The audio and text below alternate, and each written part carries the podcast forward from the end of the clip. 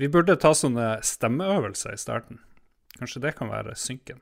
Sånn blåse inn i en sånn flaske med vann og sånn blåse La, la, la, la, la, la. Det er det vokalister gjør, har jeg sett. Uh, vi skal ikke synge, Lars. Vi skal bare snakke.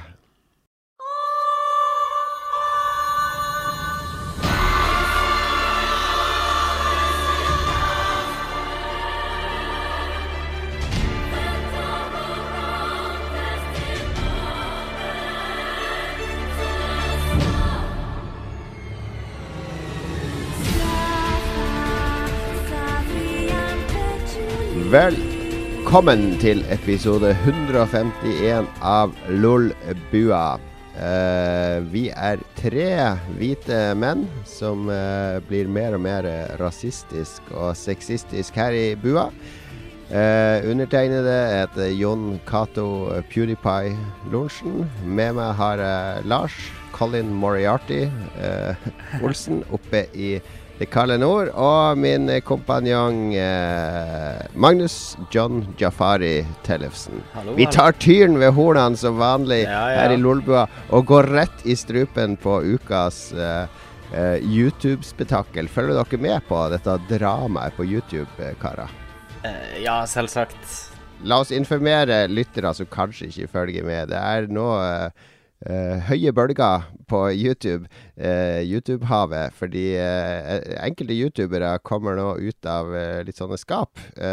Disse tre blir nå putta i samme bås for å lefle med litt sånn rasistisk og sexistisk innhold. Mm. Colin Moriarty er jo med i Kind of Funny-gjengen.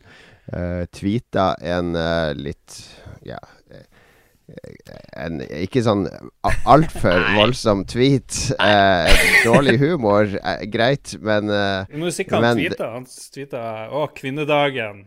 Endelig ble det stille, eller et eller annet sånt. Jeg skjønte ikke vitsen engang. Hva A er vitsen? day without women var liksom hashtaggen, tror jeg. Og så var det eh, final, Eller et eller annet eh, Some peace and quiet, eller et eller annet sånt. Ja, det var noe sånn. Altså, det er jo eh, Skjønte du ikke vitsen? Det er jo den der det gamle om Ja. at kvinnfolk driver og kakler og, og, og prater hele tida og sånn. Mm. Så det går på, tenker jeg. Jeg er så likestilt, vet du. Jeg, jeg trenger ikke inn i Du ser ikke kjønn! Nei.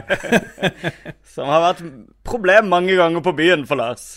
Det er rett, rett før du går i minimistposisjon, eh, Lars. Hva med vitser om oss menn, da? Det er det. Nei, vi, det, han eh, fikk bråk, han slutta i Kind of Funny pga. det.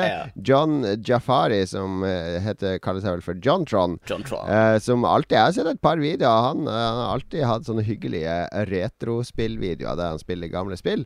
Eh, men han er jo klin kokos, har jeg skjønt, eh, sånn i virkeligheten. Eh, Han gikk inn i støtte for den her eh, amerikanske eh, republikaneren som snakka om at eh, vi kan ikke viderebygge kulturen vår med andre, andre kulturers babyer eller et eller annet sånt her. Og ikke inn støtte han, og så gikk han over en sånn der Twitter-tirade om faren med at den hvite mannen skal bli en minoritet i USA.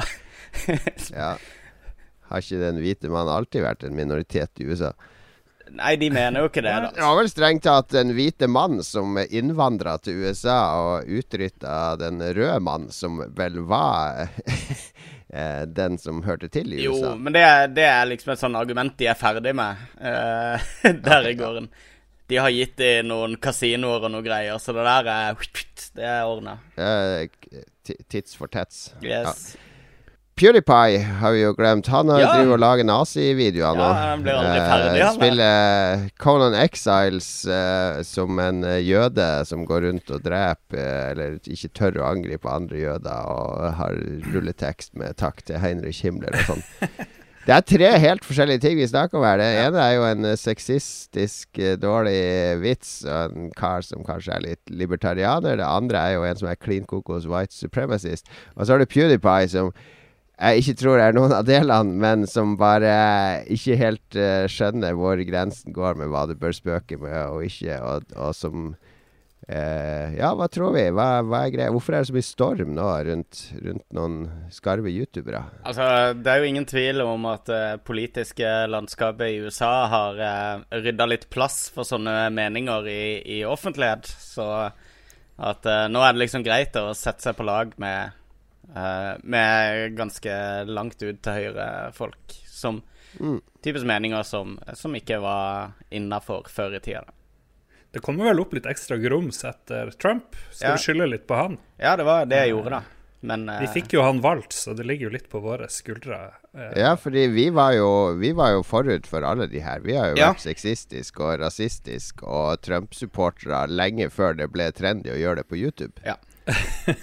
Det var altså en vits. Ik ikke spark meg ut av Lolbua. Det var en dårlig vits. eh, Jon Cato digga David Duke, og David Duke digga Jon Cato lenge før uh, dette her begynte i USA. Oh, shit. Men så dere de her videoene, hele, alle de her YouTube uh, PewDiePie-videoene? Det begynte vel med ikke sant, at han gjorde den der teite eh, drep jødene, eller hva nå enn det var for noe, hvor han fikk noen til å danse på TV, og så mista han alle sponsorene, og så klikka han litt eh, i vinkel, han PewDiePie. Skylder mye på Wall Street Journal. Nesten alle videoene jeg har sett etterpå, har liksom blitt nevnt Wall Street Journal, som gjorde en sånn slags hit-piece på han. Men han sa jo at han angra. Han burde ikke ha gjort den spøken. Den var litt dårlig, men han, han følte at folk overreagerte. Så én video den han lagde før den her siste, hvor han for og drepte jøder, var jo at han skulle fære og drepe Hitler. Og så ender det jo med, når han dreper Hitler i et sånt sniperspill, så forsvinner han sjøl, som i Back to the Future. Og han bare Fordi han er jo et produkt av Hitler, så det var ganske morsomt. Ja, Og så, men så kommer The Sequel. Han finner en tidsmaskin, så drar han enda lenger tilbake i tid. Og da spiller han Conan Exiles, hvor han er Hitler da sjøl og skal fære rundt og drepe jøder. Og så er jo det litt sånn tvilsom smak, men det er en slags twisted logikk oppi det hele. Og så kommer rulleteksten hvor han nevner masse jøder, inkludert seg sjøl. Det er han som spiller rollene, som alle jødene, står det. Så det er liksom Jeg tror ikke han er en nazist, og sånn, men han har bare kokt litt over. Han nekter å gi slipp på de nazitingene. Og så er det selvfølgelig folk som kommer til å, å anklage ham for dårlig smak og alt det der, og det har han sikkert, men jeg syns det er litt sånn storm i vannglass. Men han er verdens største YouTuber, så da blir det oppmerksomhet. Jeg føler problemet Det er jo- Det er litt ja. sånn The Office over det. Med, han er litt sånn David Brent Ja. akkurat nå, som har fortalt en litt for drøy vits, og så prøver han liksom å snakke seg ut av den uten å innrømme at han har gjort noe feil, og så bare graver han seg dypere og dypere ned i det. Føles litt sånn akkurat nå. jeg tenker det her avslører først og fremst at uh, mange av disse youtuberne er jo ganske dumme. Altså, de er jo ikke Ja, ja. Er jo ikke smarte folk som utfordrer seg sjøl.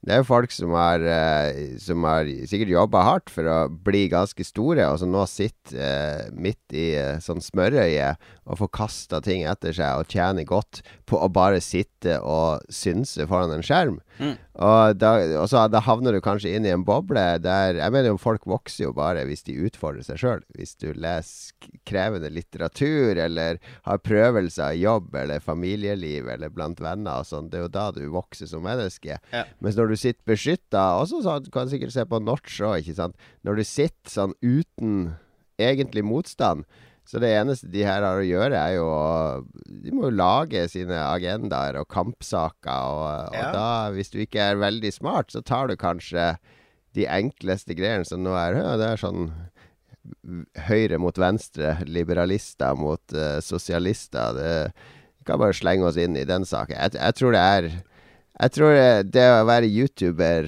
profesjonell YouTuber, er en ganske kjedelig jobb når du kommer opp på de stedene de har kommet.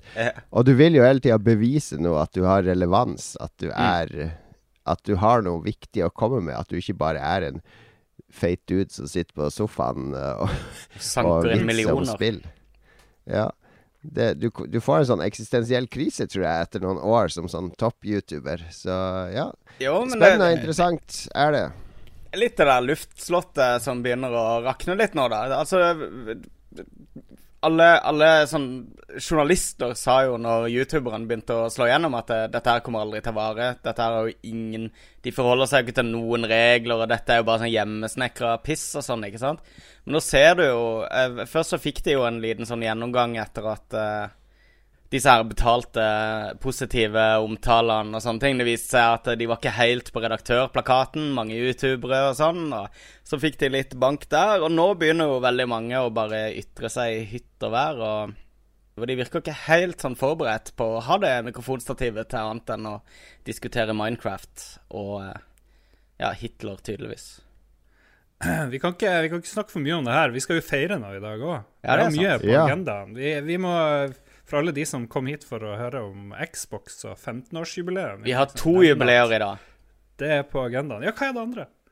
Jeg er glad du spurte meg, for jeg er glad for at det kunne være meg som kunne annonsere at uh, også uh, PlayStation Vita feira fem år for bare noen uker siden. Så, så uh, jeg tenker vi, vi, tar en litt sånn paraplyepisode med, med, med Vita og Xbox i, i sentrum.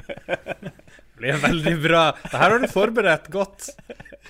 Nei da, vi kan drite i det. Vi kan drite i det. Jeg kan, jeg kan ta som jeg skrev i Entourage, så kan jeg ta Vita-jubileet på privaten med kake og stearinlys etter sending.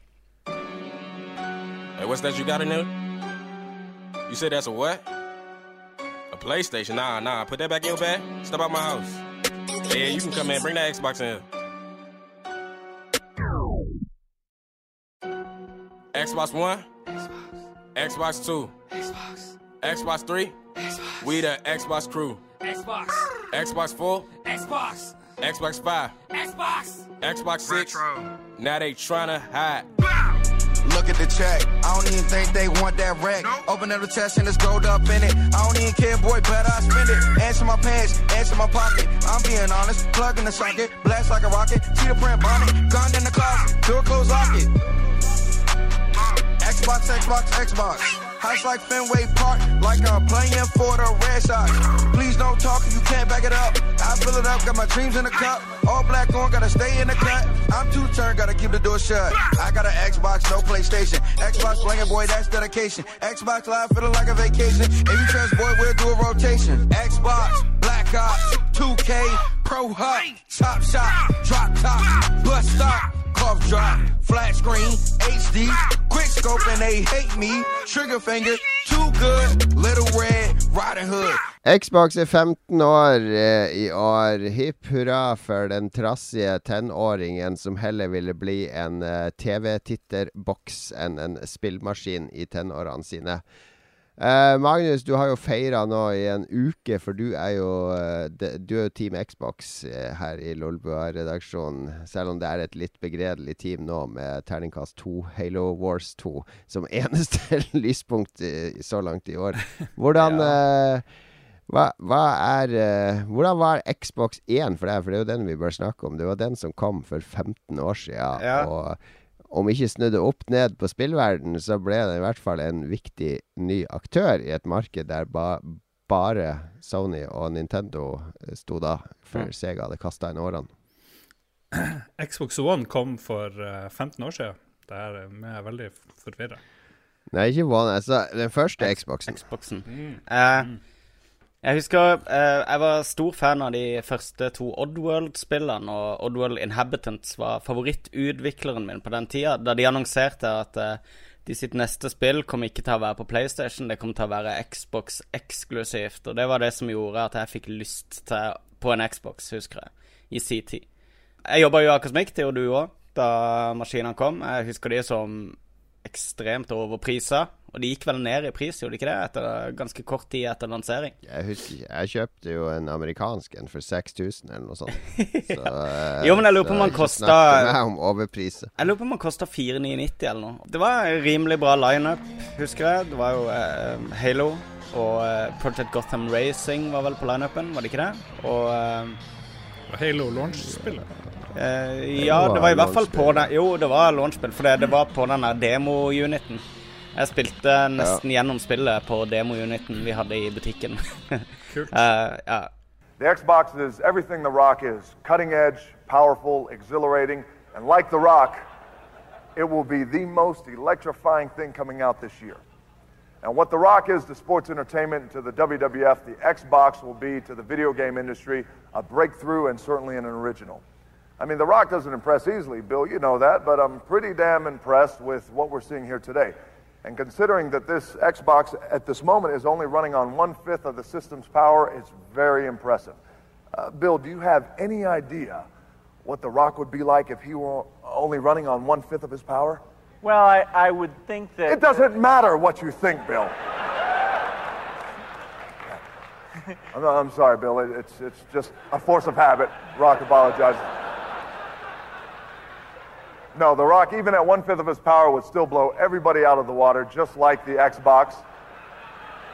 It is truly the future of video games, and I'm very excited to simply be a part of it if you smell what The Rock is cooking. Halo var jo launchspillet som gjorde at jeg kjøpte den amerikanske, for det var jo liksom den sjette eller sjuende tieren i Edge. Og da var det OK, Stemmer. da må jeg ha Xbox. Og det, det, var, det var knallbra spill da det kom. Men mas det var jo selve maskinen som var Eller maskinen var jo Den var jo først og først veldig svær. Altså Alle får jo kritisere Å, det er bare en PC i en Ja. boks. Det er ikke en konsoll. Eh, som jo er litt ironisk, fordi alle konsollene på markedet i dag er jo bare PC-er i boks. De Ja, bruker er bare jo PC. PC-arkitektur. og ja, Så, så, så det, var, det var jo litt ironisk, eh, Ja. egentlig. Eh, men, men den var Det er to ting, eller én ting fortrinnsvis som den gjorde, som var veldig banebrytende. Det var Xbox Live. Ja. For det var en integrert del av konsollen og en integrert tjeneste når alle de andre sleit veldig med å gjøre det til en, en konsollgreie. Altså, husker du Sony sin PlayStation 2-løsning krevde jo at du måtte kjøpe en harddisk, og du måtte Ja. kjøpe et modem, og Ja. det var to-tre spill du kunne spille online, og det var gnukk og greier. Og Dreamcast hadde jo jeg også online, men det var også modem og oppringing og alt mulig sånn. Det, det funka bra. Men det Xbox Live hadde, var jo at du var live hele tida, da. Og du hadde den der vennelista som de andre ikke hadde skjønt. Du hadde det at du kunne se hva de andre gjorde, du kunne joine hverandre sine spill, og du hadde voice-chatten. Det fulgte jo med sånn voice-chat-headset. Mm. Det er den første konsollen det har gjort det med. Så, så Xbox Live Jeg husker jeg, jeg bodde jo Eller jeg bodde i Bergen og i Oslo da, men jeg bodde hos Frank i gamlebyen, og der hadde jeg Xboxen min satt opp. Så hadde jeg PlayStation min i Bergen. Og det er mye kos å sitte i stua der og spille Rainbow Six og Moto GP og sånn mot Randa. Og. Splinter Cell spilte jeg masse Cell, ja. online. Ja. Ja, det var sånn asymmetrisk online med vakter mot spioner. Med randome folk fra, fra et engelsk forum jeg hang på, med nordmenn, og det var noen bergensere jeg spilte mye Rainbow Six med. øh, og det var liksom første gang jeg følte at det var del av sånn online community, på en måte. Du fikk ikke den samme følelsen på PC, for der var det så mye Det gikk via tekstchat. Mens her satt jeg og snakka med andre nordmenn og sånn. Det, var- Ja. det var kult. Men uh, ja, jeg kom aldri online med min første Xbox. Det var jo litt merkelig. Jeg vet ikke. Jeg fikk, jeg var, det var liksom aldri aktuelt. Var de litt forut for sin tid, kanskje? Jeg vet ikke hvor mange som, som stappa inn den der eh, Du måtte jo ha bredbånd, da. Så det var jo også sånn Doom. Jeg tror du måtte ha bredbånd, ellers så var det ganske uspillbart. Altså, det var også sånn Doom Doom-greier der folk i England sa Å, vi har bare 55K her som vi bor, så ja, det, Dette kommer aldri til å slå an. Bredbånd blir aldri så ombre... Trenger ikke mer enn en 14-4-modem. Ja, så de var, den var veldig forut for sin tid, akkurat den uh, greia der. Jeg har en kompis, han driver enda og har sin Xbox eh, originale i drift. Det er jo for å spille, eller bruke han som sånn eh, mediasentergreie for ungene. For han har Ja, så for han sykt liker mye å se ting i 480, 480P og sånn. Ja. Ja, ja, jo, men den står enda på barnerommet her. Jeg har vel ei en Harstad, og smart når, klokke som kan gjøre det samme nå. og når familien dukker opp, så er det bare å kjøre i gang eh, gode gamle Xboxen med 1000. Ja, det gikk jo an å modde den til å kjøre eh, emulatorer og alt mulig annet, Mm. har jeg hørt om. Hvis vi skal snakke om de der gjennombruddene som eh, Xboxen eh, tilførte eh, spillbransjen, altså, eller spillverden, så var det jo, som du sier, Xbox Live, men også uh, da de redesigna håndkontrollen sin og uh, lagde Controller S, som jeg, som jeg i hvert fall mener har eh, Altså, det har jo i hvert fall forma håndkontrolleren i all fremtid fremover i, i spillverden. Du ser jo at uh, og så til og med eh, DualShock har jo tatt en del fra, fra det der originale Xbox eh, Controller S-design. Og det gjorde at eh, for min del at maskinen gikk fra å være kjedelig og tilnærma uspillbar til å bli min favoritt.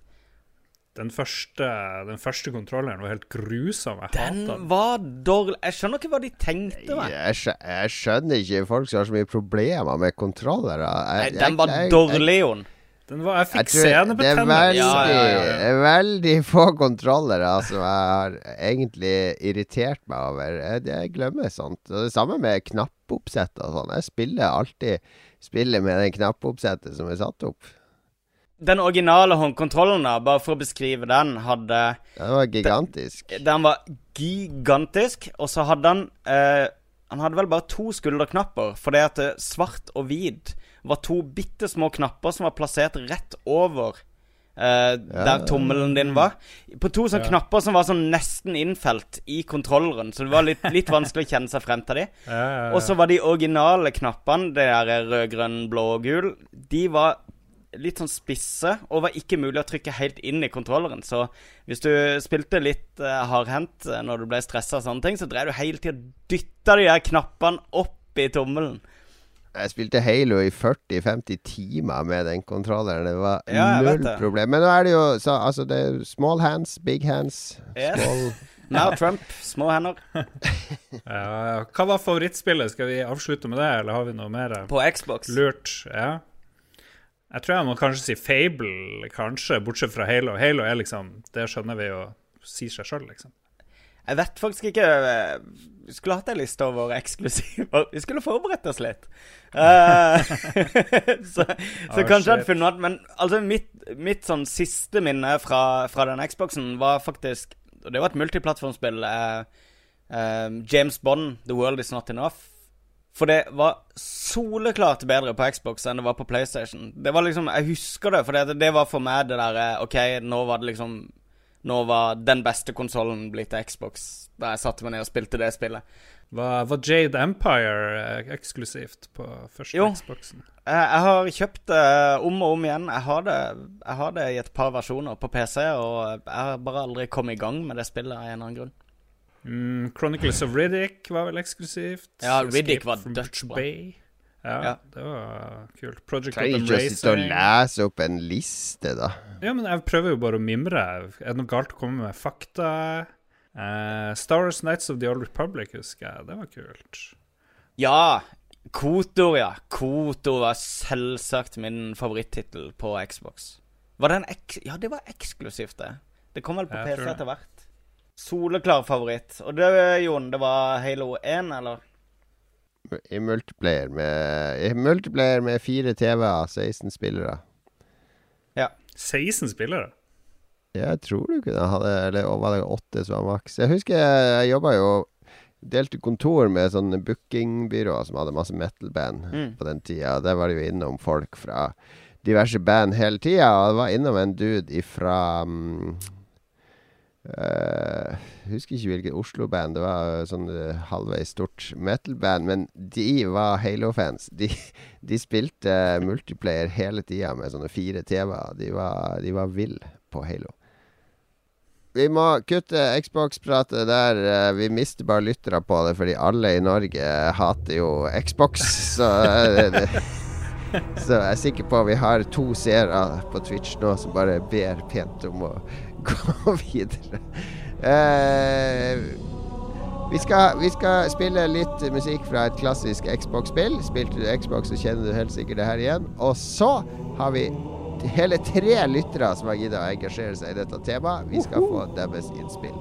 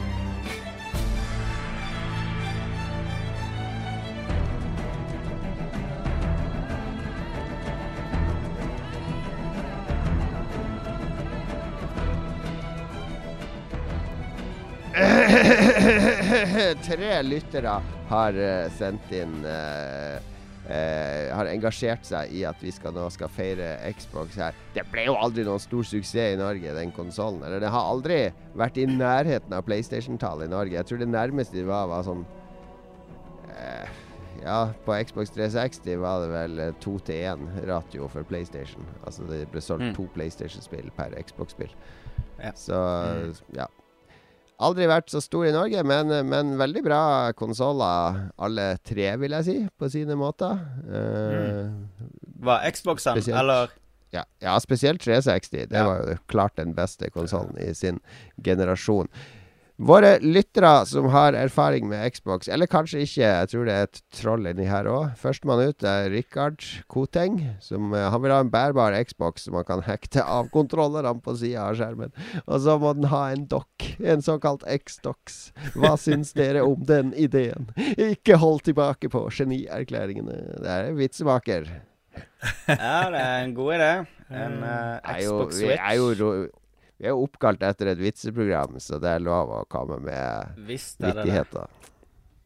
Um, men det er vittig, for jeg har vel sagt det noen ganger allerede, men uh, det var en del rykter om at uh, Xbox One, før designet ble offentliggjort, så var det en del rykter om at Xbox One var en uh, Basically det samme som Switch, da. At det var en konsoll du kunne ta med deg, som var en tablet, en bærbar tablet, og en stasjonær konsoll med en dokk som du plugger i TV-en. Så mm. uh, ja. De har jo De lanserer jo nå uh, sin bærbare konsoll, Microsoft. Det er jo den der nye Surface-laptopen til 37 000. Surface Book, ja. Den billigste koster vel 15 000, da, eller noe. Og folk klager over Switch-prisen! ja, ja, ja. Det er helt vilt. du har sånn ny karakter der, Jon. Jeg syns vi må reindyrke han der. Uh, Flykaptein. Ja, han uh, nye karakteren det er han der med røykostelatteren. Han der uh, som ler seg i hjel. Jeg tror han har gjort før av mange komikere. Norske byggeklasser.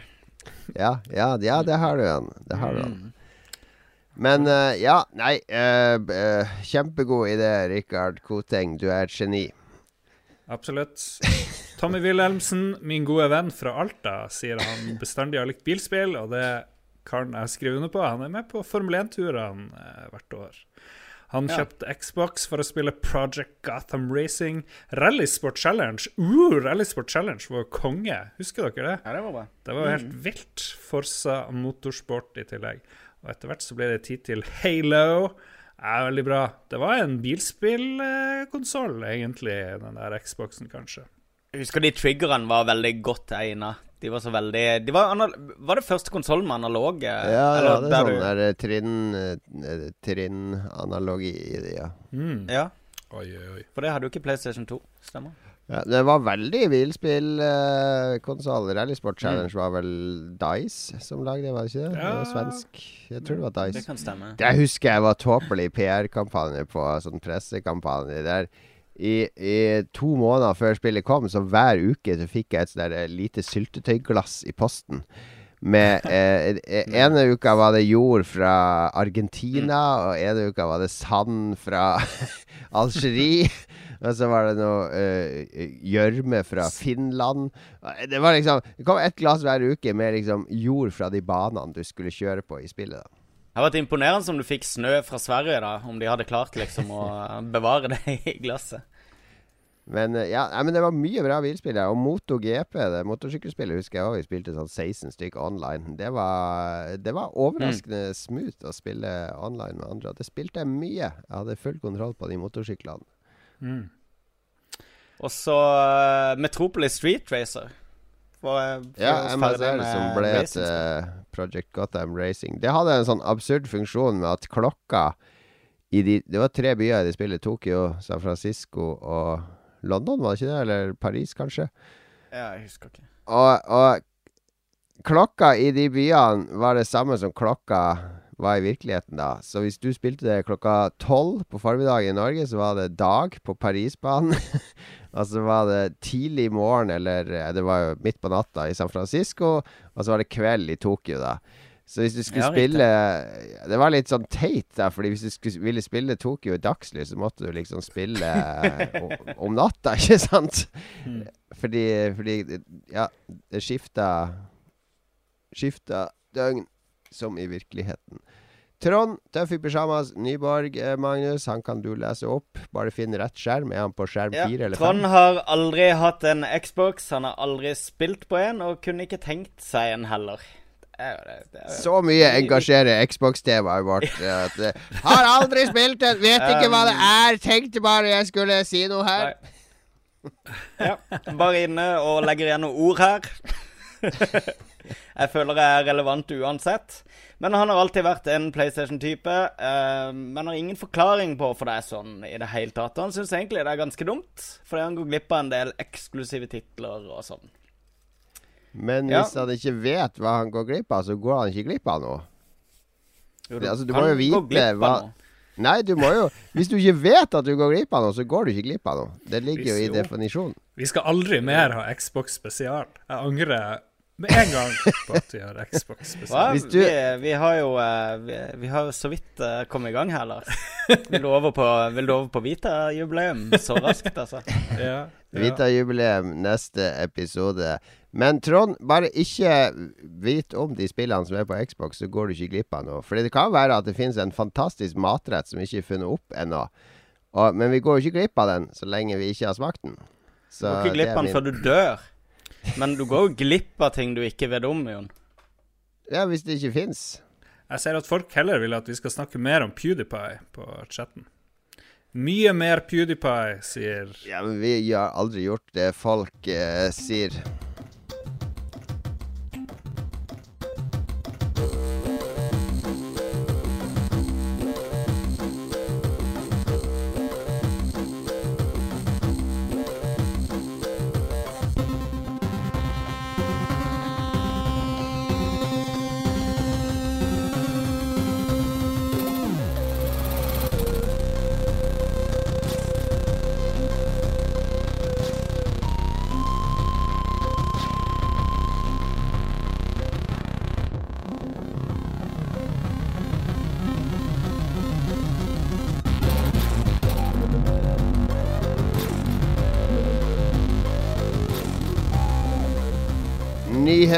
Nyhetsspalten er tilbake. Eh, Som vanlig følger vi i eh, amerikanske mediers eh, fotspor og har alltid med én fake news hver nyhetssending. Vi vet ikke på forhånd hva den fake newsen er, for vår nyhets... vårt hva heter han? Vår korrespondent Ståle Baldvinsen han leverer nyhetene sånn ca. fem minutter før hver sending, med streng beskjed om at vi ikke får lov å google. Jeg vet at uh, Lars og Magnus de googler som noen gale allikevel. Jeg ser det på øynene deres. Det er derfor. Magnus har ekstra skjerm, for at han skal ha Sånn så stort kan- mulig Google-vindu. Ja, riktig. Men Det er det det er. Men det kan være greit for folk å vite hva som skjer, for nå skal vi få høre fire nyheter. En av de er falsk, Ja. og underveis så skal vi ikke si hva vi tror er falsk, men vi skal liksom Nei. bare kanskje prøve å lure de andre, hvis vi tror Det det, hva som er falsk, til å, til å tro at den er korrekt. Og så et, underveis så finner vi ut OK, den er falsk, og når vi er ferdig, så skal vi avsløre fasit, og så skal Lars bli latterliggjort hvis det er jeg som tar feil, som jeg gjorde forrige gang. Vi bare setter i gang. Nyhet nummer én. Når Conan Exiles kommer til Xbox Preview senere i år, Falsk vil det være nyhet. uten den nå...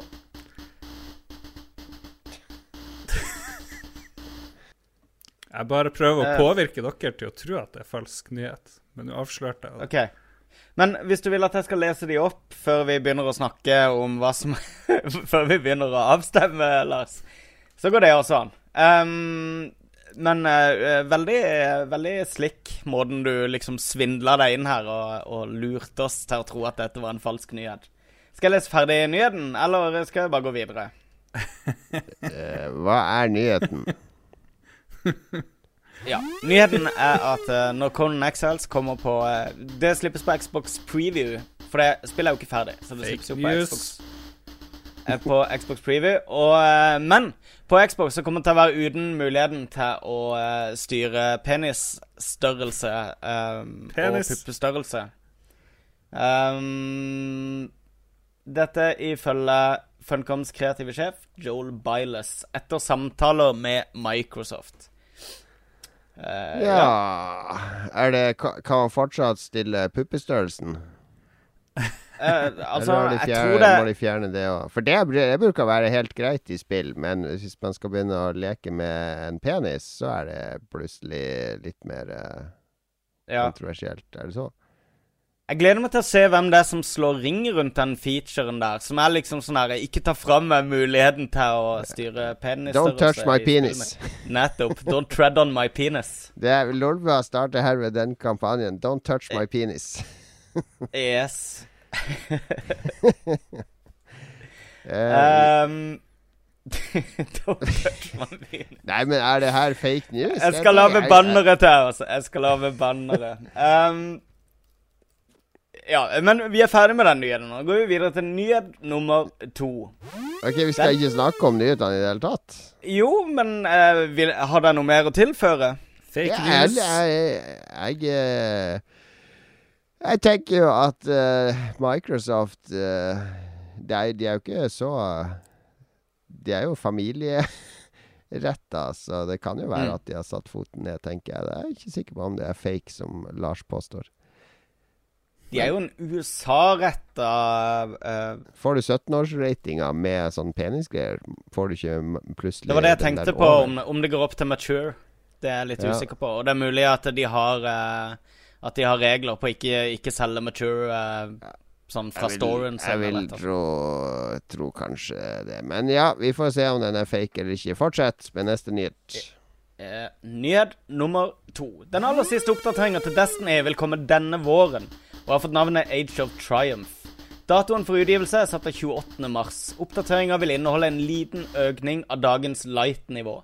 Den vil også inneholde uh, Vault of Glass, Crotter Sand, uh, Kings Fall og Wrath of the Machine med oppdatert til uh, Hva er det for noe? 420 light? 420 light? Er det det som er liksom nye uh, nivået? Light level? Det har alltid vært nivået, da. Din, eh, din eh, Jeg har ikke noob. spilt eh, Jeg har ikke spilt Destiny siden lansering. Jeg spilte Ja, det til- var light da òg. Ja, ja, men det, ja, ja, men jeg har ikke spilt det på to år. Er det ikke det? Du vil kunne belønnes med bl.a. Vex Mythoclass og alle gamle raid-våpnene i 420 Light, samt nye Ghost Skins og Sparrow. Fake news. Fake news. Eh, ja.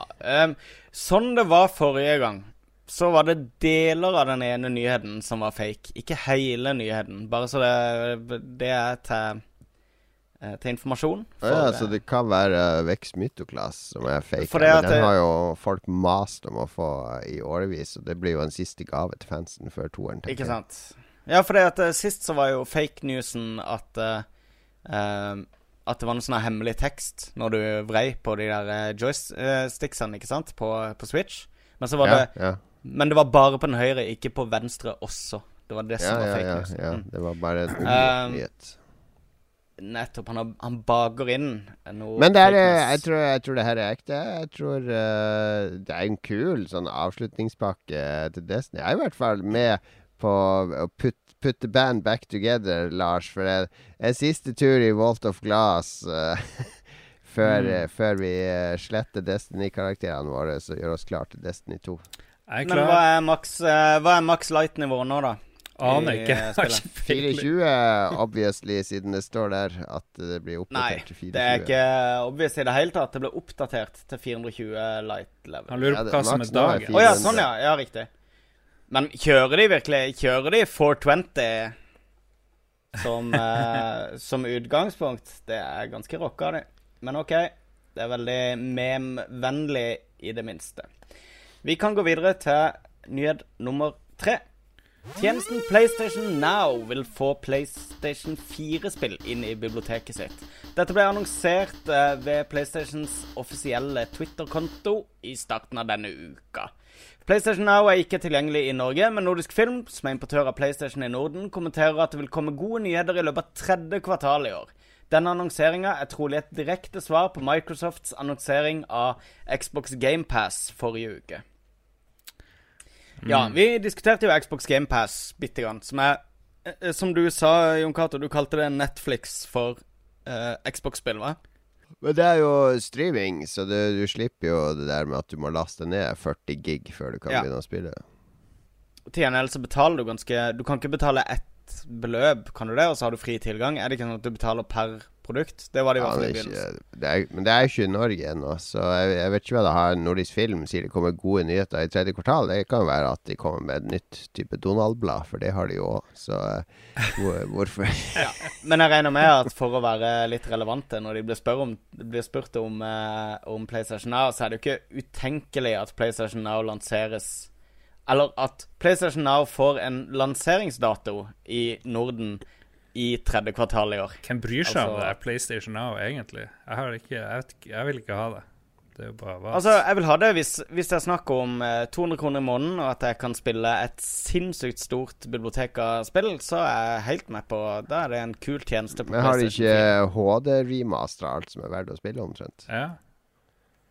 Jo, jo, men uh, nå blir det jo PlayStation 4-spill også, da. Du skal ha liksom det streama igjen. Ja, ja, du har sånn 500 megabits-linje. Ja, eller 250 megabits. Ja, det, er, det blir å være drit hos meg. Jeg har sånn her 30 eller et eller annet. Det, Nyhet nummer fire. Flere lurer nå på om utsettelsen av South Park The Fractured But Whole var for å tilpasse en egen Switch-versjon av spillet. Spillseriens offisielle Twitter-konto posta nettopp den kryptiske meldinga 'Nintendo'. I'm coming, I'm coming, Nintendo. Hashtag Blizzard 2017. Sammen med teksten var et bilde av Eric Cartman fra episoden der han fryser seg selv ned for å korte ned ventetida inn mot lanseringa av Wii. fake news. Som var en kjempe, kjempevittig eh, episode. Ja, for det Dette har jeg ikke lest, men jeg fikk høre at eh, South Park-spillet har fått lansering nå i slutten av året. Um, Det har jeg ikke noen, eh, noen ordentlige kilder på, annet enn min bror, som sendte meg melding. Men eh, det regner jeg med er sant. Og det var et spill som egentlig skulle vært sluppet nå i februar, hvis ikke jeg husker feil. Mm. Mm. Mm. Men en egen eh, Switch-versjon av South Park, altså. Ja, kanskje. Who cares? Jeg tror ikke det er grunn til noe utsettelse, altså. Det, men eh, Nintendo er jo veldig glad i den type humor som, eh, som eh, Nei, men eh, hvis, det, hvis det er blitt utsatt, så skyldes det nok andre ting. Men kanskje de kan skylde på Switch som en Mm. grunn. Men det har jo blitt utsatt flere ganger allerede.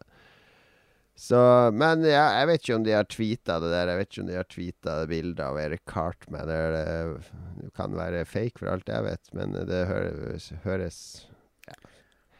Jeg, jeg holder en finger på Conan Exiles. Jeg skjønte ikke noe hashtag Blizzard 2017 uh, oppi dette. Men uh, ja, ja. Nei, det her kan det være hva som helst, men jeg har en idé. Du bare lanserte hva du tror er fake, eller Ja, ja, jeg går for Conan. Så eh, Exiles. Okay. Jeg tror Microsoft uh, Microsoft vil ikke ha dickpics på sin konsoll. OK, du mener det Nei, men de sier jo at det blir at eh, Ja, du tror at Microsoft vil ha dickpics på sin konsoll? På nyheden, første nyheden var at uh, Jeg den tror vil ikke nyheten være med. er, eh, er eh, fei... Nei, at den er ekte. Nå tenkte jeg at alle var fake. Nei, jeg tror at den er ekte. Ok. uh, Tusen takk for innspillet. Destiny- Skal vi prøve å spore fake news? Ok, da tror jeg eh, South Park er fake, da. South Park er fake. Ja, jeg holder en liten knap på eh, South Park sjøl. OK, så vi driter i å skrive det ned. Jeg tror, jeg hørte Mm. at det skulle være 390 light, så jeg vet, alt det her kan være fake for alt jeg vet. Jeg har ikke fulgt med i det hele Ja. tatt. 420, det er en er veldig mye in-jokes på det. Smoke weed every day. Ja, det, det vil være en teit ting å bare forandre eller hvor høyt light det skal være. Det det liksom er fake, men eh, ja, ja. I don't know. Jeg hørte 390, det er det eneste fakta jeg har å, å sitte med i Så du satser på, eh, du satser på PlayStation-nyhet? Ja, da, jeg har ikke noe å tape. Har ingen troverdighet å tape. Ja, Nei, det er det, kan vel uh, Nei, det er vel Er det ikke 400 som er maks? Jeg husker ikke. Så lenge siden jeg spilte. Men Mag eh, Lars holder en knapp på Destiny-nyheten. Jeg holder en knapp på South Park. Magnus? Ja, jeg er enig. Jeg er enig med deg, Jon. South Park. Ok, hva er det som er fake, da?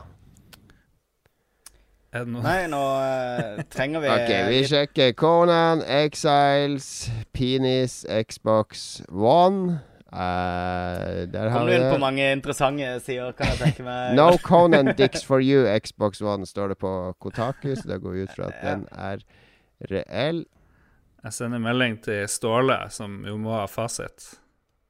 Uh, jeg ser South Park uh, South Park-tweeten ser jeg her nå, faktisk. Så den Ah, shit. Nå fikk jeg fasit. Destiny er fake om light. Raid blir oppdatert til 390. Mwahaha! 390. Jeg hadde rett. Dere har feil. Losers. Og det er fake at Nordisk Film har sagt at PS Now kommer senere i år. Har la inn to fake news! Holy shit. To fake. Det er juks. Det er fake. Ja. Jeg, tror, jeg foreslår at vi kutter den jævla fake news-spalten. ja, det, Her dette nå. her eh, tok altfor mye tid. Det er bullshit. Jeg foreslår at vi kutter hele denne bedritne podkasten. Helt enig.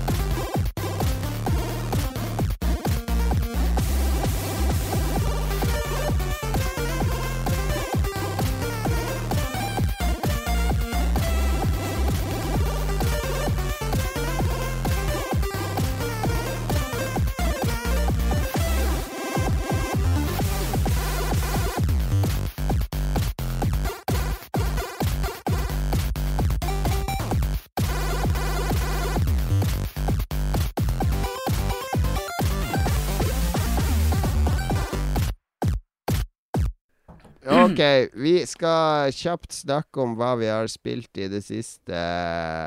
Selda fikk seks av ti fra gamer.no, så det har vi brukt Ja. opp taletida på. Det er ikke vits å bruke noe mer tid på et seks av ti-spill.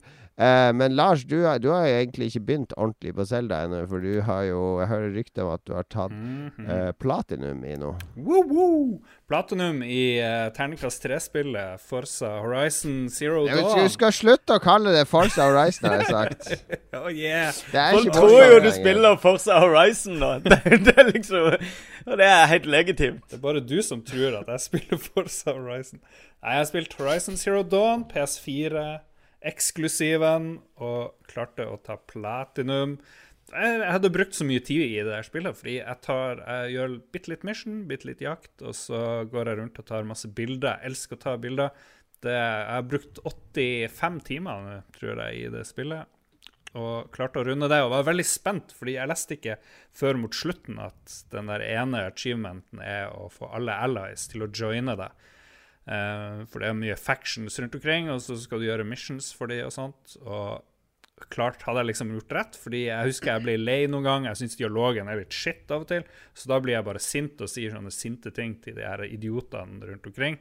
Fordi de er sånne 2D-figurer uansett. Men hurra, da jeg var ferdig, så hadde jeg 100% Og det er første platinumen min noensinne, for jeg gir F i hva det heter, trophies i PS. Ja, eh. PlayStation-verden. Jeg var mer en sånn gamerscore-dude. Det var mye kulere. Det, der var jeg litt sånn Jeg likte å ha et konkret tall å forholde meg til. Ikke en sølvpokal og jeg vet ikke, jeg skjønner ikke hva det betyr engang.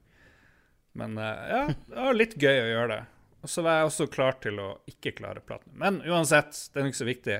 Fy faen hvor bra den historien blir mot slutten i hovedhistorien. Det er liksom tydelig at Ja, de har et sånn B-team som har skrevet de litt kjedelige historiene, og så har de et A-team som liksom har fått gjort hovedhistorien. For det går ikke an at det er Ja. samme person som, som har holdt på der.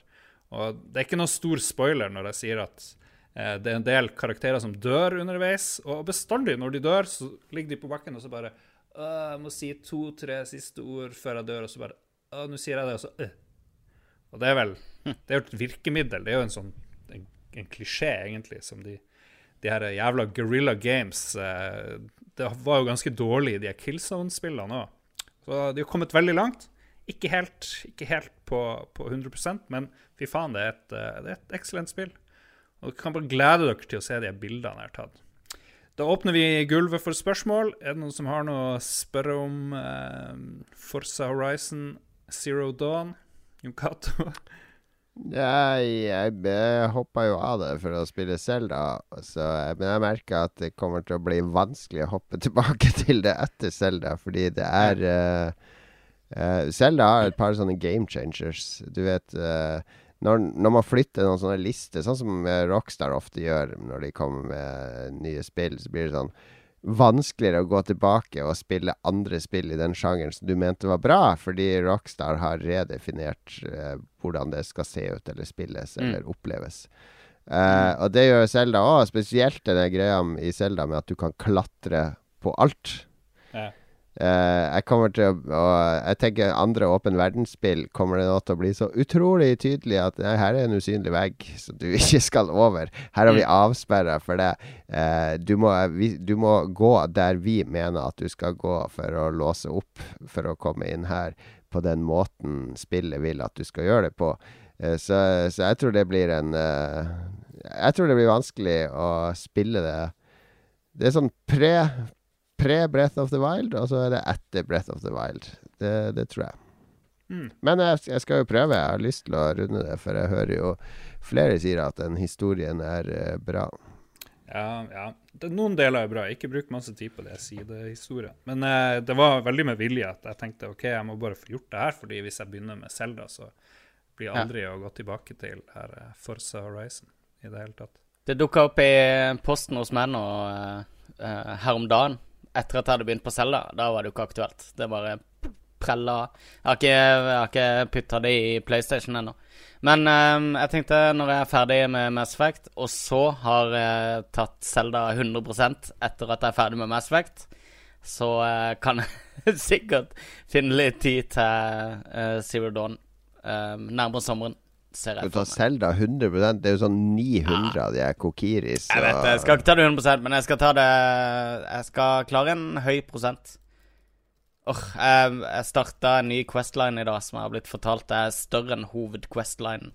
Som bare er en sånn liten B-Quest-greie. Så det er nok av tid igjen i Selda. Ingen, uh, ingen, fare der. Jeg har prøvd å spille en del andre ting, men uh, det er liksom Jeg har ikke lyst. Jeg har skrudd på Xbox noen ganger og bare blitt sittende og se på film eller et eller sånt. Jeg gidder ikke spille på den.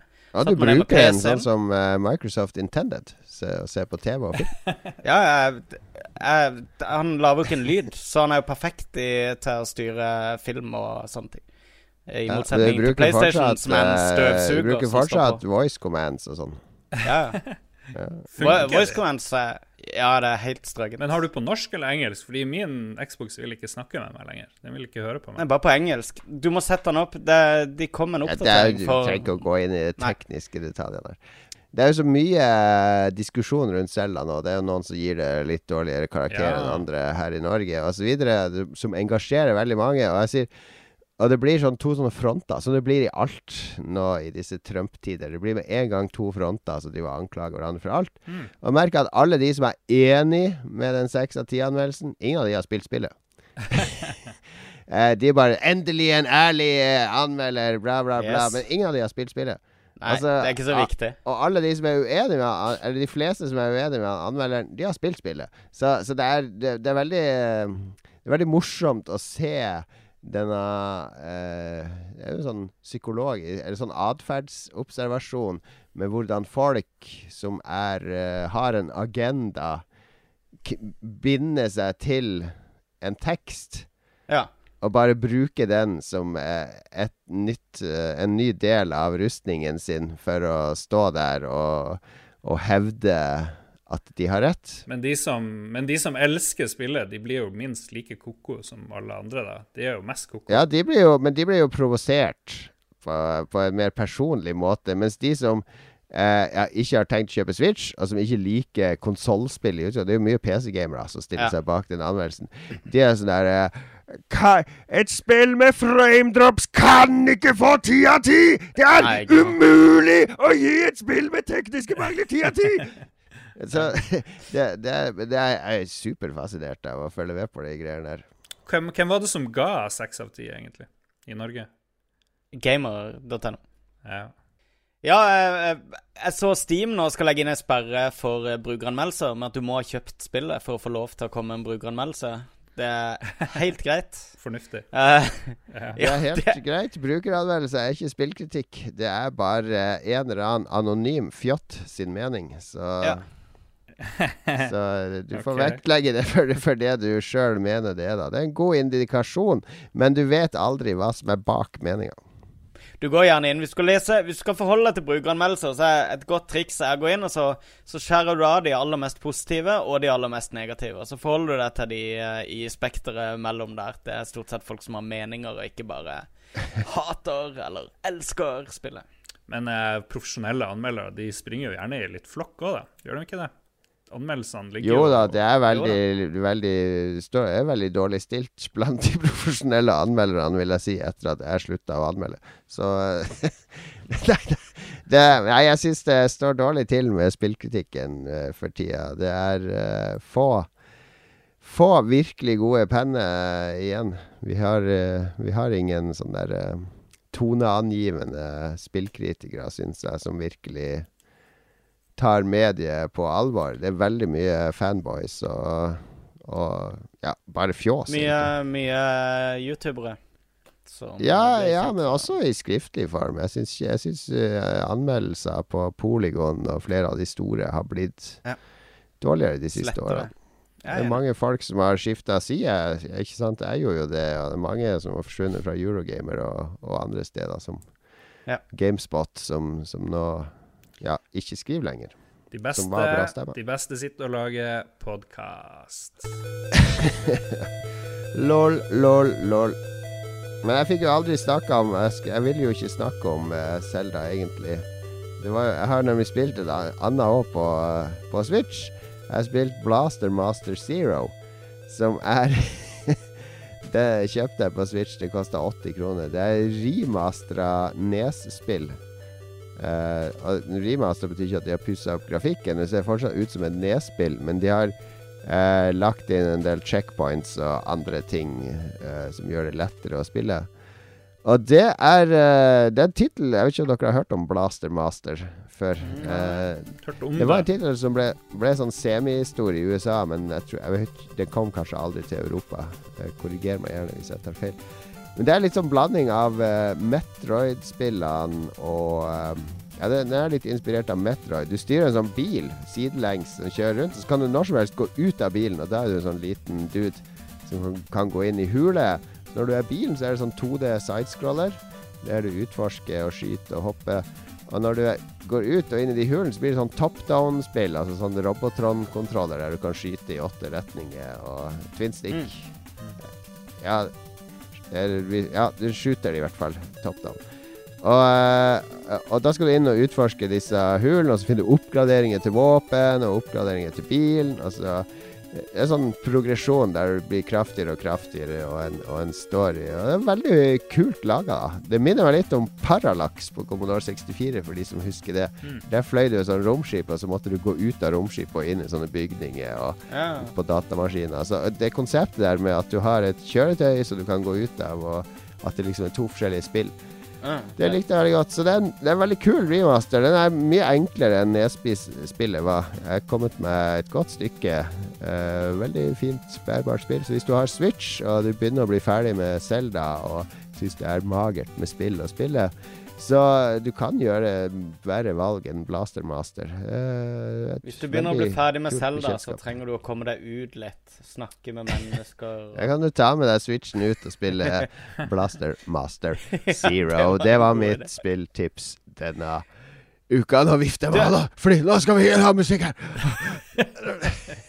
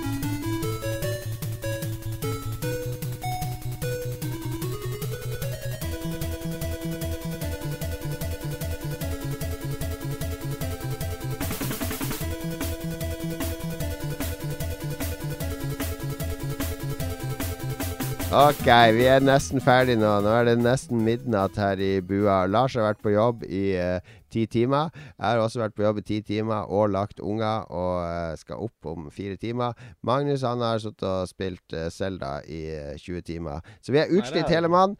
Alle mann. Hele mann, sier jeg. Der ser du hvor utslitt jeg er. Ja, Utslitt alle, hele mann. Vi har noen lyttere som skal få slippe til med helt randome spørsmål som vi skal ta opp i vårt uh, uh, Lolbua-råd. Fullstendig random og tidvis meningsløse. Mm, mm, mm. Vi kan jo begynne med han Marius Krinnan. Krinnan er litt kult etternavn, da. Kinnanbanden. Jeg tipper Ja, er oldefaren bare- hans var i andre verdenskrig og var sånn motstandssoldat. Krinnan versus Rinnan. ja. Åh, Vi klarte ikke en hel episode uten eh, nazisme. vi, vi gikk jo rett inn i like nazismen med PewDiePie i starten, så vi har Yes. allerede hatt nazisme. Hva er best av X1-a, The Warrior Princess, og Pretty Little Liars, og hvorfor? Begge har kvinner i hovedrollene, og begge har med voldelig kriminalitet å gjøre. Pretty Little Liars var i Netflix sist jeg sjekka, men ser ikke på det selv. Det er faen meg et meningsløst spørsmål. Hva mener du? Ja, ja han skjønt Han har skjønt Lolbua når han sender et sånt spørsmål. Ok, Jeg aner ikke hva Pretty Little Liars er. Er det noen som kjenner til det? Uh, jeg har aldri sett det, men jeg kjenner til serien. Jeg vet ikke. Sina Warrior Princess var jo litt morsomt. Sina The. Warrior Princess? Ja, det var litt Det var morsomt. Det var litt sånn Jeg så veldig lite på det, men jeg hadde Jeg må innrømme jeg hadde litt sånn crush på det der Lucy Lawless. Det er jo det, Det var vanlig. det, det er jo det porno-actress-navnet, egentlig. Lucy Lawless. Men hun heter det, hun som spilte Sina. Hun er Stemmer. litt sånn breie skuldre, muskuløs eh, dame. Det likte jeg. Jeg hadde litt crush på henne når jeg bodde på hybel i Oslo på 90-tallet og hadde TV3. Litt sånn ufarlig Ja. fantasy-opplegg. Litt sånn som de her Det var jo en stund det var sånne fantasy-ting. Sikkert fordi Sina ble litt populært, så kom det der Sinbad og sånne her veldig skittig, skittig serie, egentlig. Det var litt sånn barne-TV-fantasy. Det var litt sånn Var ikke det en sånn spin-off? Power der, eh, Rangers-kvalitet over det. Det var vel en spin-off fra den der eh, Hercules-serien med han Kevin Sørbø, eller hva han het. Mm, hun, Ja. hun dukka opp som sånn bikarakter Ja, i ja, ja. Hercules, og så fikk hun sitt eget show, tror jeg.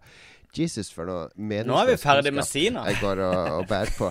La oss gå til Getto Boys. Getto Boys, eh, rett fra gettoen på Mortensrud i Oslo. Eh, Oslos første no go-sone ifølge NRK. Der sitter vår venn Kristoffer. Ja, han spør eh, hvorfor glemmer man så fort gårsdagens spill nå til dags. Personlig husker jeg Mario på Ness som om det skulle være i går, men sliter med å huske Nio, som jeg spilte i dag. Har spill blitt så kjedelig? Hm, interessant. Jeg tror eh, du begynner å bli eldre. Ja, kanskje det er fordi han har Alzheimer. Stakkars Getto Boys. og hjernen begynner å fylles opp, så den sorterer bort uviktig informasjon veldig fort. Det, ja, ikke sant? Og så er det ikke like Det er ikke like revolusjonerende hver gang du plukker opp et spill til konsollen din, som eh, kanskje barndomsminnene dine var rundt eh, Mario, og der du oppdaga veldig mye nytt. Og for første Men, gang. men hjernen er jo konstruert sånn at den husker det som er annerledes. Så Mm. hvis du går et helt år, du jobber et helt år, går på jobb hver dag, gjør de samme tingene hver dag, spiser de samme fem måltidene hver uke osv. Du kommer ikke til å huske noe fra det året.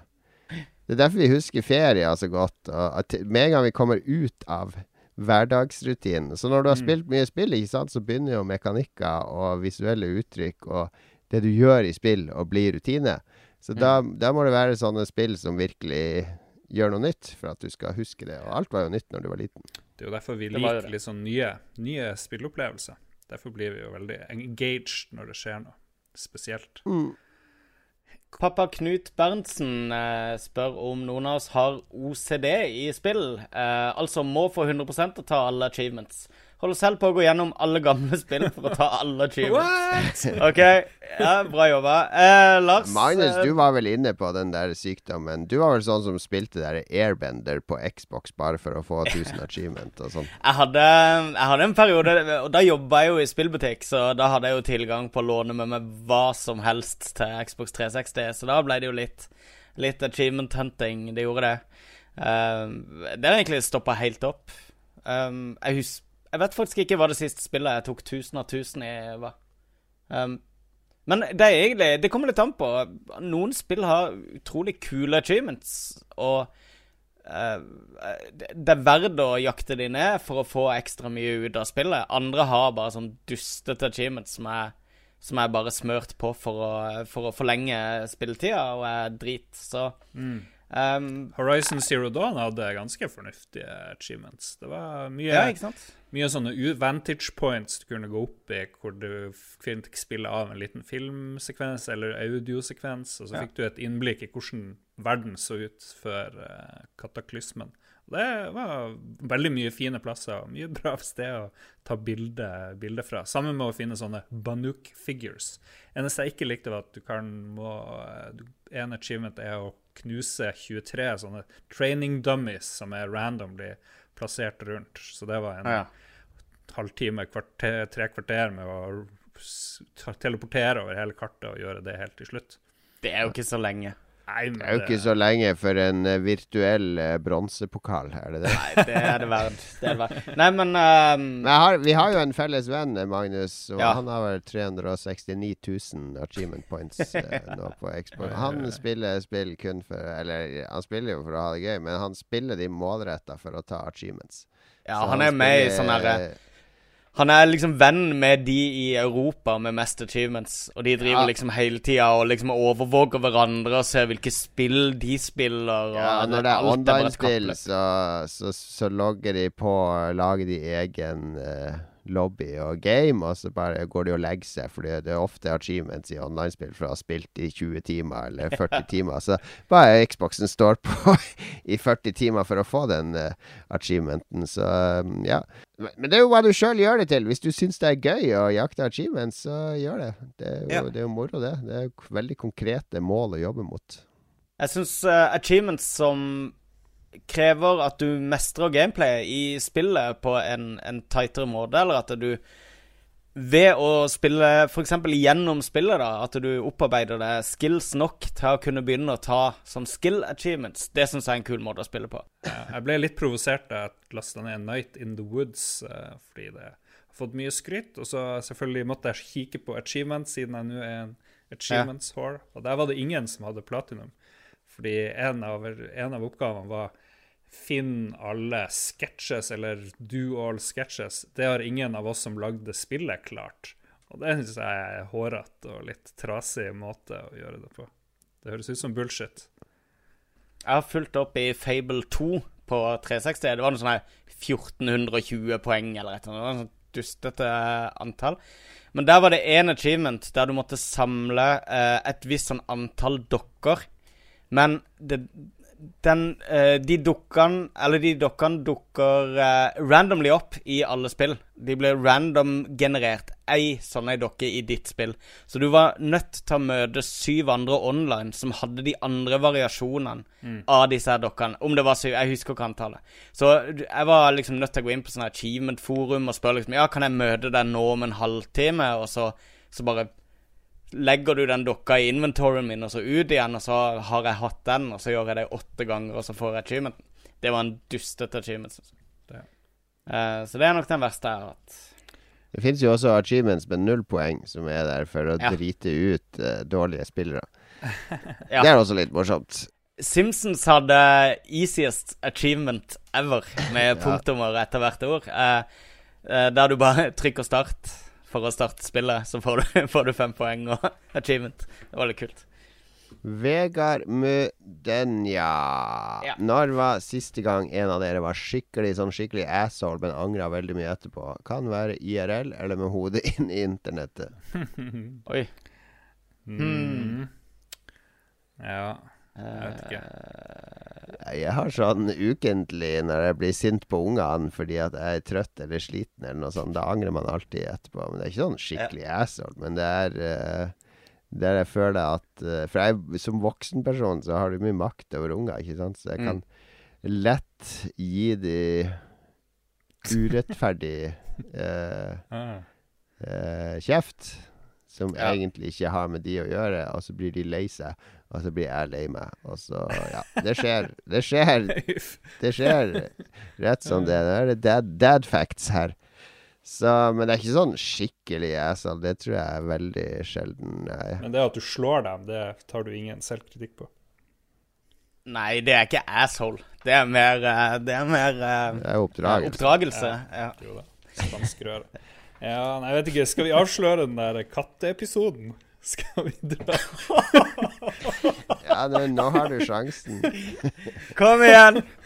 Kom igjen! Do it! Oi, oi, oi. Uh, kan noen andre begynne? Jeg klarer ikke Ok, fordi det var en gang uh, Det var en gang du ikke hadde fått klippet ferdig episoden til fredagen. Ja. Var det ikke det? Og så var det noen som spurte i Entourage eller på Nordre hvor det ble av episoden. Og så sa du som en spøk da at katta di hadde dødd. Ja. ja. Og det, for du, du har jo ingen katt. Og så fikk du så mange sympatimeldinger i den tråden at du torde ikke å si at du ikke hadde en katt. da Så hele entourage har jo gått i fakkeltog for katta di. Og din fiktive katt. Oi, oi, oi. Det, Det var ganske bad. ja, det var ganske grusomt. Og så klart Jeg husker det, det var i eksamenstida for meg. Jeg gikk og koste meg med den der panikken du hadde Ja, i du, den der du eh, hadde jo panikkangst eh, der, Lars. Hva har jeg gjort? Ja, for det, liksom, det kom over et steg hvor du var for seint å si fra. For jeg var fulgte vel ikke Ja, så ja. nøye med. Og så når du var for seint å si fra, så bare begynte jeg å liksom smøre på den der historien. Litt sånn der Skikkelig Skikkelig asshole-oppførsel. Og det var veldig mange sa jeg har husdyr sjøl, og det er skikkelig trist å miste dyrene. Og jeg bare å nei, å nei, å nei. Føler med deg, og det går over med tid, Lars. Du har sjansen nå, da. Du har sjansen nå da, til å be om Jeg ber om unnskyldning. Jeg ber om unnskyldning, og jeg lærte, for da jeg tok og sa at hunden min hadde dødd på sånn in- in-joke, egentlig Det var bare sånn Der var det ganske tydelig at, det- at det var fake, da. Så kom det jo plutselig en som sa 'Å nei, har hunden din dødd?' Så jeg bare, jeg bare med en gang Nei, det, det er en spøk. Dårlig spøk. Ja. Dårlig spøk. Skal ikke ta en PewDiePie og liksom dra den så veldig mange ganger flere. Nei. kan, en gang jeg skal klippe og jeg blir sein, så kan jeg jo si at en av ungene har daua. Og så se om de tar det seriøst. Oi, oi, oi. Ah. Lol. Nei, ja, Magnus, da. Jeg, eh, Magnus kommer ikke på noe, Åh, har du aldri vært Jo, jo, eh, jeg har vært asshole en hel haug med ganger, men det er det å komme på det eh, eh, sånn på Ja, eller tørre å si det på Ja, TV. nei, det har ingenting med å tørre, egentlig. Jeg prøver, eh, prøver febrilsk å huske, huske ganger jeg har vært dust. Um, jeg sliter jeg, Hvis jeg kommer på noe, så skal jeg heller eh, dele det i all offentlighet. Umiddelbart. Du kan jo ta Nei, jeg skal ikke si det. Kan. Kom igjen. Kom igjen. Jo. vi kan jo ta han, uh, han seiler de, hvis du har lyst til Det kan jeg godt gjøre, men det er mange år siden. Det er, Ja, det er mange år siden. siden. Men det er jo morsomt, da. Ja, men, og den var jo eh, Jon Cato det, delaktig. da. Vi hadde, en, eh, vi hadde en greie når vi dro Vi ble så veldig blaserte spilljournalister en periode. For det var så utrolig mye spillfester. Og det var eh, så utrolig mye sleazy selgere som klenga seg på oss og, eh, og skulle være populære og morsomme og um, gjøre seg til lags med oss da. Og vi, vi begynte da å, å gjøre det vi kalte mock-laugh. Altså at hver gang de prøvde å være morsomme, så lo vi dødsmye av det. det, er jo, det, er jo, det er jo selve definisjonen på sånn asshole-oppførsel og Ja. mock-laughe av folk som prøver, og prøver liksom. Men vi lo så mye at Vi, vi begynte å le av hverandre, da, at vi syntes jo det var så vittig at vi var så assholes. Så, vi, så det ble jo Det ble jo ekte latter, da. Det var bare Vi lo ikke av det samme som eh, disse folk her. Og da var vi på da, jeg, jeg kan kanskje ikke fortelle så mye spesifi, spesifikt hva det var. Vi var på en fest, en Xbox-fest, husker jeg. Um, da en prøvde å fortelle en vits Som jeg, jeg Husker du poenget med den vitsen? Ja, det, var, det var veldig sånn der uh, Oslo Vest-vits med noe seil, seilbåt og sånn. Så punchline Ja. var vel 'seiler de'? Ja. Og, da, og vi lo og lo så vi grein av den punchline. Så han fortalte det jo på nytt og på nytt og på nytt. Og skjønte jo ikke at vi lo av han. Så det, det var Og ganske vi hørte det overalt på, på festen. Så hørte du bare bortest i rommet sånn der 'Seiler de?' Og så lo han masse i håp om den samme Ja, feedbacken. han sa det jo til oss eh, når vi møttes uh, seinere òg, da. Så noen uker etter så. Oi, oi, oi. Dårlig gjort. Nei, Dårlig gjort. vi ber om eh, unnskyldning. Vi ber om unnskyldning til uh, han òg. vi var Unnskyld. assholes. Yes. Jeg tror vi kutter der. Vi tar resten av spørsmålene neste gang. Um, det var bra siste spørsmål der. Med, veldig bra med litt sånn personlige spørsmål som Ja. får oss til å utlevere oss sjøl på den måten. Og så fikk eh, Lars endelig come clean. Så vi har Ja, full var forståelse for de som gjerne vil forlate Entourage eller starte en anti-Lolbua-side nå. Mm. Det, det står eh, fritt land, for guds skyld. Bare gjør det. Uh, men uh, verken meg eller meg og Magnus tar sterk avstand fra Fra den spøken til, til Lars. Vi får se om han faktisk ender opp som Moriarty, som uh, introduserte ham som utstøtt av Lolbua til slutt. Ja, det- smakløse vitsen. Det er min Det er, nok, episode. det, det er nok en god idé å, skje, å distansere seg litt fra Lars nå de neste dagene, og, og se litt hva som, hvordan dette utspiller seg. Vi fikk uh, melding fra han Ståle Baldvinsson her. Han sier at han jobber med nyhetsspalten mens han jobber fulltid som paramedic i området rundt Oh. Jon Cato. Så mens han passer på deg og familien, så jobber han samtidig med nyhetene. Og så brukte han litt tid på de to siste gangene fordi vi avslørte fake news så fort tidligere.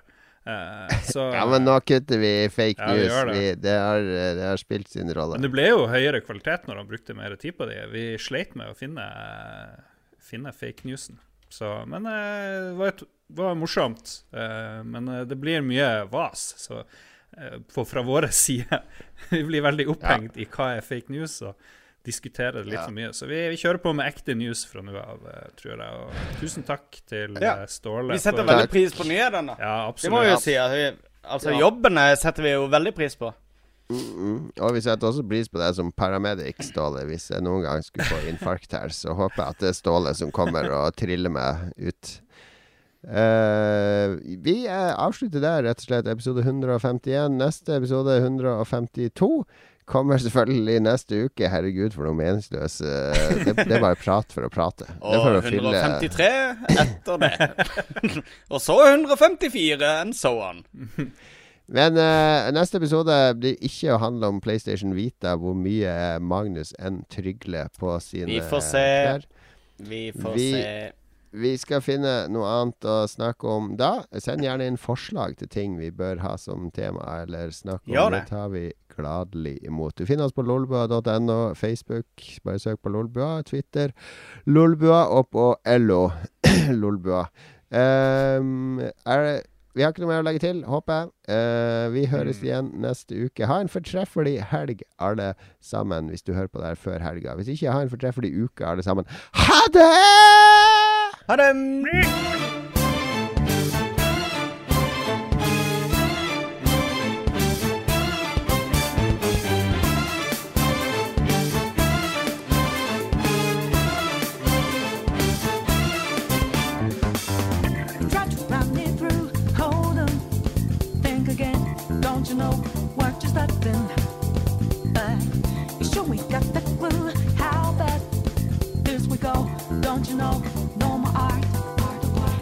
as you look to the horizon, not but stormy too cold. Seems like it crept up out of nowhere, all around you is not what what you foretold. You never see it coming. You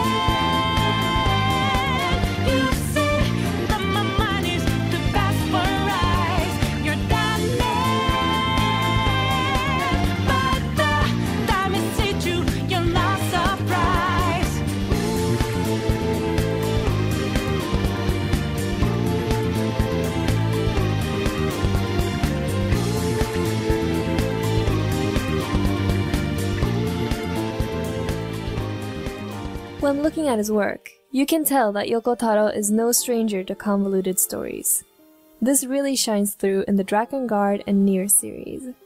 Although you don't have to play any of the previous games in order to enjoy the story that'll be presented in Nier Automata, there is an underlying story that connects the games together. However, it's not really explained in game, which can make it a bit hard to piece it all together. Which is why I decided to make this video trying to explain what ties the series together. Although events in the game's story have been canonically recorded ever since year 1 and the birth of Christ, the real story begins in 856. A giant earthquake shakes the Iberian Peninsula and lots of weird occurrences happen throughout the entire world, including a giant metropolis rising seemingly out of nowhere in just one night. This incident shakes the entire world around and is dubbed the Great Disaster. The event brought both powerful dragons and otherworldly beings known as Watchers to the world. It also caused the multiple world divergence phenomenon, which is a phenomenon that occurs when a chosen group of sentient beings come together, which in turn then causes a timeline to split. The dragons wreak havoc in the following years, destroying entire empires. In 865, Europe casts aside the concept of individual countries in order to come together and form Midgard. A cathedral city is made in Midgard, and an institute known as Pythagoras Institute is formed, where Midgard's nobles and intellectuals come together to study both the Great Disaster and the other strange occurrences that were taking place in the world. In 981, a girl is born. She suffers through a tragic childhood, having been sold off to child prostitution by an abusive mother. The girl wasn't given a name by her mother, which leads to the people at the brothel referring to her simply as Usubeni, meaning light crimson, based on the color of her eyes. After an unsuccessful heist where she is betrayed by another girl from the same brothel, Usubeni is captured and brought back to the brothel only to kill everyone in the facility. She then flees to another town where she happens to run into one of the brothel's regulars. He offers Usubeni a place to stay, but after she contracts a contagious illness, the man does everything he can to get rid of her. She kills the man in self-defense before he can sell her off to prostitution again. Usubeni goes on with her life, now a numb and merciless killer. During one of her later killing sprees, her illness gets the better of her and she is captured by guards. Usubeni is then placed in a cell together with five other girls who are all subjected to horrible torture. They all die one by one, and Usubeni is eventually the only one left alive. But it doesn't take long for her illness to catch up with her, and soon she's on the brink of death. In her last living moments, she sees a beautiful flower rise up from the ground. In 995, the cathedral city is struck by an explosion accidentally caused by the Central Magic Institution. Witnesses to the explosion say that the debris formed something akin to a giant flower that covered the sky. The explosion is what causes the mysterious flower to find its way to Usubeni. Her body is brought back to life by the magical flower as it takes root deep within her. She is made into a magic weapon of destruction as she is given the power of an intoner, a godlike being that manipulates magic through songs. Usubeni, feeling very upset about this, tries to kill the flower by committing suicide. However, this causes the flower to create five more intoners, creatively named 1, 2, 3, 4, and 5, splitting Usubeni's powers up between them in the process. She sees the creation of her five sisters as her own fault and sets out to kill them, taking on the new name Zero. Zero goes on to search for a dragon who is powerful enough to help her destroy the flower and the rest of the intoners. She ends up making a pact with a dragon named Michael. Hell bent on making sure that Zero is killed, one creates a clone of herself from one of her ribs as a failsafe if she would fail to kill Zero herself. This clone is kept a secret from the rest of the intoners. Although the clone is physically identical to one herself, it is male. Here is where the events of Drakengard 3 begin. Zero and Michael team up to try and take on the Five Sisters, who have been traveling across the world defeating numerous evil monarchs and are now being praised as heroes in Midgard. In the fight with the Five Sisters, Zero loses one of her arms and Michael dies, only to be reincarnated and renamed Mikhail. After their plan fails, Zero and her new dragon Mikhail go into hiding in order to prepare for another attack against the sisters. Drakengard has four different endings in game. Ending A, Ending B, Ending C, and Ending D. However, only two paths lead to other entries in the series. The game's ending A leads to a spin off manga called Shi ni Itaru Aka, starring one's clone. But ending A also leads to a collection of short stories known as Dragon Guard 1.3. It borrows a lot of the same characters from the game Dragon Guard 1, but it tells a different story. What leads us to the actual game Dragon Guard 1, however, is a bit tricky to explain. In 2014, writer Jun Eishima created a novelization of Drakengard 3's story with the intention of creating a link between the games, which means that no canonical in-game ending in Drakengard 3 actually leads to any other game in the series. The novelization